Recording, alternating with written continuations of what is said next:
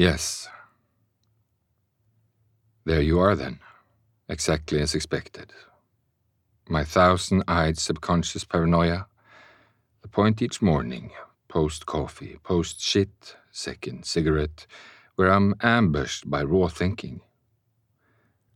My name is Alan, and I am going to tell you an um, essence of what I found out.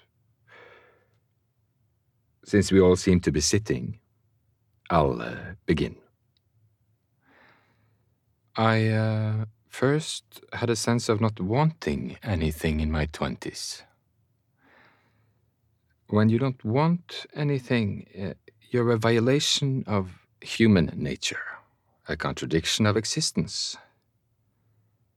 I uh, remember being uh, breathless at the end of a pier one February, trying to think of something I could want,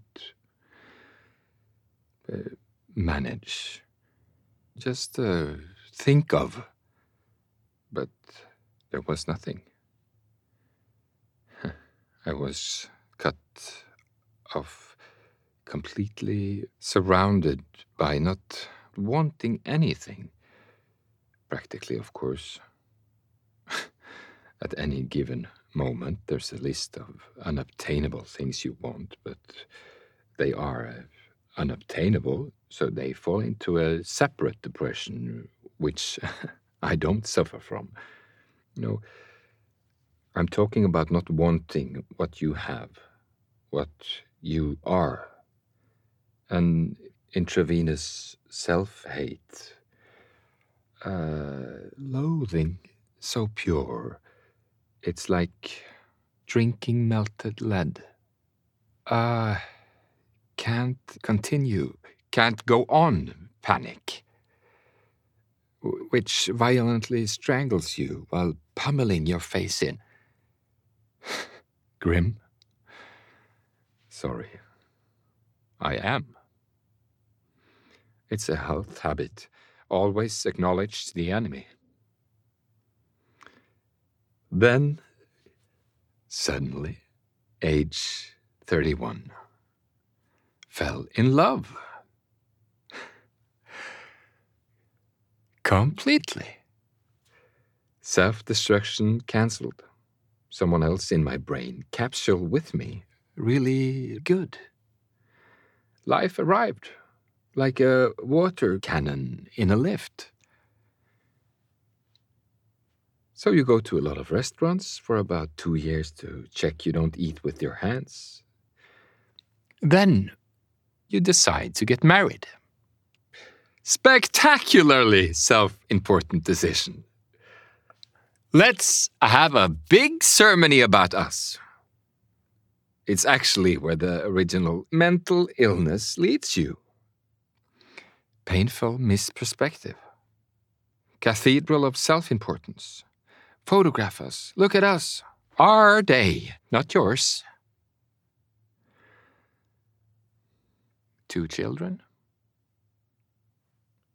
Daughters. One and two.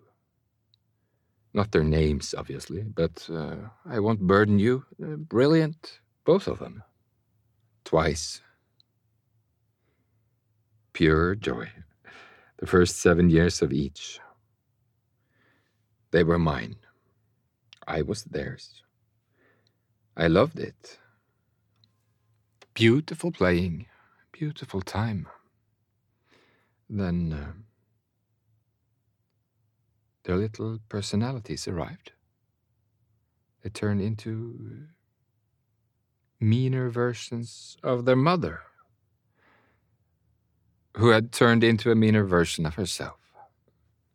Uh, no excuse. I probably was Dracula at this point. Care about something. But it was coming back. The energy I started with, the vortex, the dead, empty center. Nothing means nothing. I'm falling backwards through space, out of control, and no one can help me because no one even knows I'm here. I'm on my own. This is Alan Blakely for the BBC. Intense mental activity here all morning, but absolutely no results. Nothing has happened, and it looks like as if nothing will be happening most of the day, tomorrow, or the rest of the week. It's Tuesday, a day of seminal misery. Your teenage daughters are embarrassed by your existence, the fact that you have an anus, have always had one, and fart through it or pee inadvertently in the front of your trousers and not care. Your wife, Caroline, hates you, yet you oddly still love her and are waiting for a break in the clouds. But then you discover at this point she actually moved on months ago. First, with a female lover, which moderately titillates you, then actually with that female lover's husband, uh, which moderately titillates you less. Truth is stranger than fiction, Alan, but great fucking story. So, is this the bottom, you wonder? Or is there more copious, blinding brilliance to follow? This is Alan Blakely for the BBC, somewhere very, very fucked up. I'm uh, in a bit of a state this morning. You not funny. I try. You are the most important thing ever happened to me. I try. I am angry. No. You're not. You're hungry. Did you eat? This is Ling. I don't know where she is at the moment. You look old and dead. She told me once about the place where the birds come in April to lay their eggs. So I found it, or I think I have. I fart. And I've been sitting here ever since, long after the birds have gone. You fart. It doesn't matter anymore what country I'm in. I'm uh, in my necessity. We all fart for ice cream, Alan. Looking for Ling. I go get something to eat. You boring dead fart. No, wait. Ling! I fart! Please! She has left. Do you have any idea the amount of effort it takes to kill yourself? I won't bore you too much, but we have to go through this bit to get to the next bit. Bear with me.